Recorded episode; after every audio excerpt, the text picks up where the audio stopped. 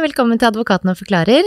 Mitt navn er Helene Bogen. Jeg er advokat i Wiersholm, jobber primært med compliance og ESG, og med meg har jeg min kollega og partner Georg Engebretsen.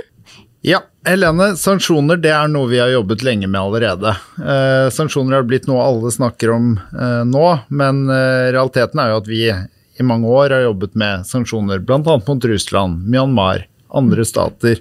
Så sanksjoner er jo ikke noe nytt. Men inngangen til samtalen vår i dag, den er jo ny. Eh, hva er bakgrunnen for at alle nå snakker om sanksjoner? Nei, altså Bakgrunnen er jo eh, Russlands angrepskrig mot Ukraina som har aktualisert dette temaet. Og det er helt riktig som du sier, vi har jobbet med det i mange år. Um, og sanksjoner det ble jo innført allerede i 1963 uh, mot apartheidregimet i Sør-Afrika, men det har fått større og større aktualitet uh, fordi det blir benyttet i større omfang. Vi har for eksempel 14 gjeldende sanksjonsregimer fra FN i dag. Vi har over 40 fra EU. Og så har jo ulike land sine respektive sanksjonsregimer. Eh, I Norge så har vi jo da implementert de eh, sanksjonsreglene som kommer fra eh, FN og EU. EU-sanksjonene er jo de praktisk viktigste for oss. Og når de kommer, så snakker vi øyeblikkelig om dem som en del av norsk lov. Stemmer det egentlig? Altså, vi har faktisk ikke en um, forpliktelse til å vedta eller implementere eh, sanksjoner som kommer fra EU. Men vi gjør det, ikke sant. Da Russland eh, gikk til angrep på Ukraina, så var Jonas Gahr Støre raskt ute med å si at vi vil følge opp de EU-sanksjonene som vedtas. Eh, og det er jo viktig fordi de da får De har eh, størst eh, slagkraft fordi de vedtas på et regionalt nivå. Eh, og, og vi må da følge de opp og, og, og, gi dem den legitimiteten de både fortjener i Norge og, i verden da, gjennom vårt samarbeid med EU. Og det har jo vært vårt valg. Altså, Enkeltland kan jo vedta egne sanksjoner. Eh, da krigen i Ukraina startet, så var det mange som tok til orde for at Norge skulle få på plass egne sanksjoner mot Russland. Men vi har jo tatt valget, i likhet med de aller fleste andre, om å lene oss på eh, større systemer, i vårt tilfelle da EU-sanksjonene, som jo er de praktisk viktigste, sammen med amerikanske sanksjoner. Og det du sier der er jo eh, litt spennende, fordi eh, nå har man FN-sanksjonene, så har man EU-sanksjonene som er multilaterale begge deler, og så har man disse lokale sanksjonene. Og der har USA og Storbritannia blitt veldig viktige aktører. Og USA er jo spesielt viktig fordi de eh, selvfølgelig er en stor handelspartner for mange, men også fordi de har regler som er opprettet på en slik måte at de får anvendelse i hele verden. Og så har de disse ekstraterritorielle sanksjonene eh, i tillegg til de alminnelige sanksjonene, som får eh, en realitet for virksomheter, selv om de ikke har en tilknytning til USA. Så det er en del aspekter ved de regelverkene som gjør de særlig aktuelle. Ja, og det kjenner vi jo fra andre deler av amerikansk lovgivning og håndheving. Dette med at amerikanske myndigheter gir seg selv en veldig betydelig ekstraterritoriell myndighet. Og, og, det gjør jo, sånn som vi ser i praksis, at uh, veldig mange norske og europeiske virksomheter forholder seg veldig aktivt også til amerikansk lovgivning på, på dette feltet. Mm. Før vi uh, sier noe mer om det, uh, hovedkategorier, altså det går litt i hverandre dette her. hvilke hovedkategorier av sanksjoner opererer vi med? Nei, vi har mange måter å dele inn sanksjoner på. Vi har jo hovedsakelig disse diplomatiske sanksjonene, og så har vi økonomiske sanksjoner. Og hva gjelder de økonomiske sanksjonene, så har vi egentlig tre kategorier med sanksjoner som vi anser som en praktisk inndeling, da. Det er de sektorielle sanksjonene, så har man de individuelle sanksjonene, så har man geografiske sanksjoner. Og på toppen av det så har man i tillegg våpenembargo og eksportkontroll regimene. Eh, og eksportkontrollregimene har da som formål å bygge opp under og oppfylle formålet til sanksjonsreglene. Så det er, det er praktisk sett også veldig viktig. Men hva gjelder de tre hovedkategoriene av, av, sanksjoner, så er de sektorielle, f.eks. Eh, sanksjoner som knytter seg til energi og olje, transport, teknologi, man har finansielle eh, restriksjoner, f.eks. dette med at man utstenger banker fra Swift. Um, og så har man da de individuelle sanksjonene, som knytter seg mot enkeltpersoner, grupper, organisasjoner, selskaper. Og siden vi bruker Ukraina-krigen som bakteppe, så kan man jo opplyse om at 1093 personer er nå satt på EUs liste um, over personer som man da ikke kan handle med, eller um, man kan ikke gjøre tilgjengelig eller stille formuesgoder eller penger til rådighet for disse personene. Og så er det i tillegg da 80 enheter, selskaper, som er på samme liste. Så det er omfattende eh, sanksjoner knyttet til eh, individer eller eh, selskaper. Og det er også den eh, sanksjon, sanksjonen som er hyppigst brukt. Så har man geografiske sanksjoner, eh, og det er jo da at man ikke kan handle med geografiske områder. Eh, I Ukraina-sammenhengen så er det f.eks. handels- eller import- og eksportforbud knyttet til Donetsk, Luhansk, Krim og Svastopol. Eh, det er praktisk viktig, og så gjelder det noen andre tiltak inn mot geografiske områder, f.eks. at man ikke kan drive turistytelser, eller man ikke kan investere og den type ting.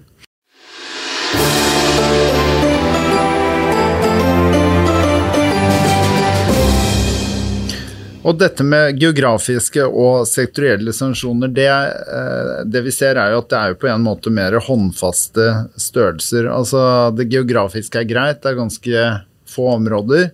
Eh, det sektorielle, ofte ganske komplekse vurderinger for de virksomhetene som befinner seg i randsonen av eh, den aktuelle type produkter.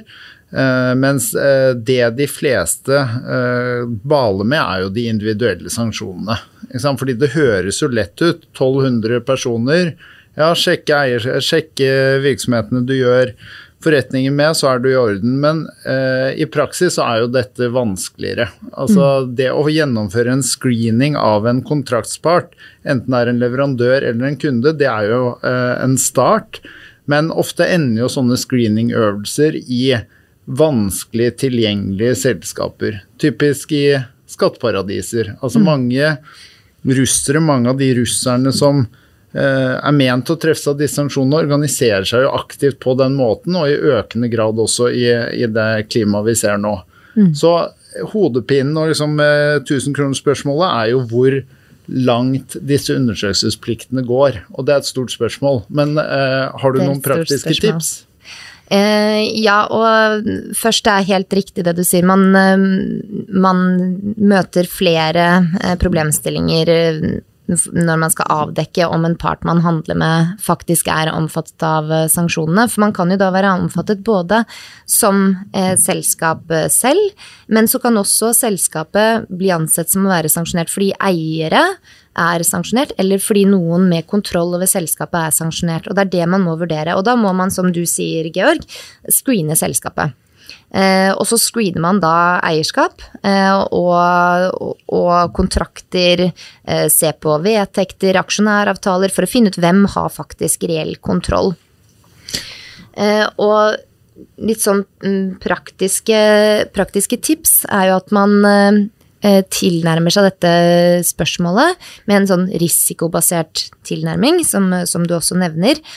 Og da vurderer man hele eh, saken. Altså man vurderer hvem man handler med, hvor er den eh, personen eller det selskapet lokalisert, er det snakk om store beløp, er det snakk om en vare som, er, som det er knyttet stor risiko til, f.eks. er det en sivilvare eller er det en militærvare?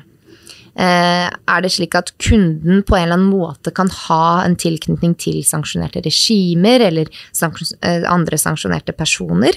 Eh, og det er jo en bred risikovurdering som vi kjenner veldig godt fra compliance-området ellers. Vi er vant til å jobbe med den type individuelle risikovurderinger. Det er, det er veldig enig og det, det, du sier der, det illustrerer at dette er også øvelser som krever tankevirksomhet eh, hos virksomhetene. Uh, det å liksom tenke at man kan laste inn uh, masse selskapsnavn og personer man vet hvem er, og ta til takke med liksom manglende aktive treff, å kalle det det, det er ofte for lite. Og man vil vurderes ut fra en strengere standard enn det. Og vi ser jo at mange virksomheter velger å gå ganske dypt inn i materien nå. nettopp for å kartlegge dette du snakker om med kontroll. Eh, det krever samtaler med nøkkelpersoner i og rundt selskapet. fordi det rett og slett ikke er eh, tilgjengelig som hard facts gjennom eh, rene screeninger.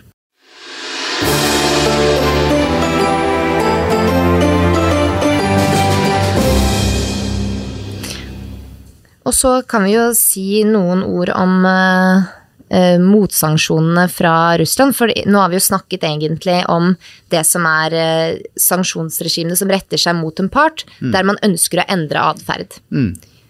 Og så vil jo den parten som får sanksjoner rettet mot seg, normalt ønske å ta til motmæle.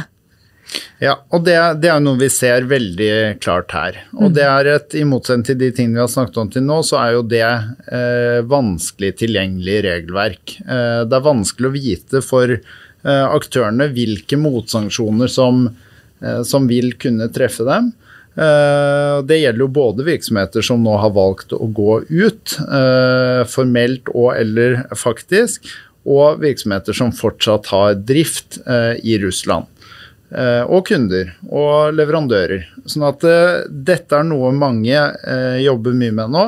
Det vi ser er jo at Russland jobber på spreng for å legge hindre i veien for en for rask nedskalering av utenlandsk virksomhet i Russland. Vi ser de prøver å holde liksom, rubeløkonomien i gang.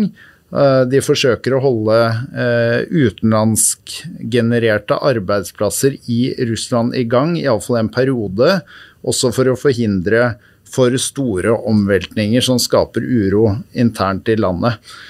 Så eh, vår erfaring nå er at Russland eh, bl.a.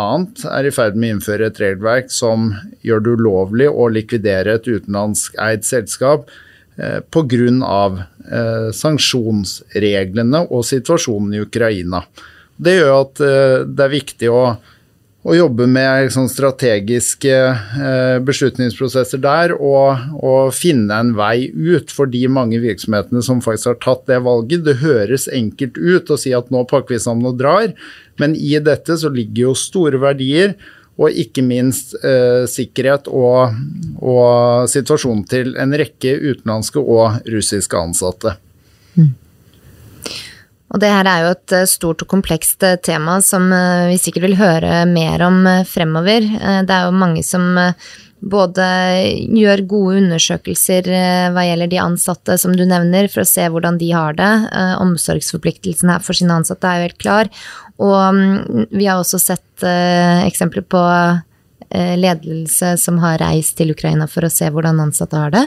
Sånn at det her er et område som er veldig aktuelt og krever gode undersøkelser. Ja, og Det at det ikke er en teoretisk risiko, det illustreres jo også av at det i Russland nå er et fremvoksende marked av russiske selskaper som tilbyr liksom, setteledelse, settestyre. Mm til å være inne i disse virksomhetene og ta støyten og risikoen i forbindelse med disse prosessene. Så i kjølvannet av situasjonen og liksom den akutte krisen vi har sett, så, så, kommer dette eh, i økende grad til å bli et tema. Mm. Og vi ser jo også at det er problemer med overføring av penger, at man bruker eh, reserver eh, for å betale de ansatte og den type ting.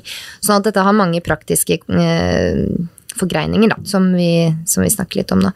Eh, da er vi vel eh, nesten ved veis ende her.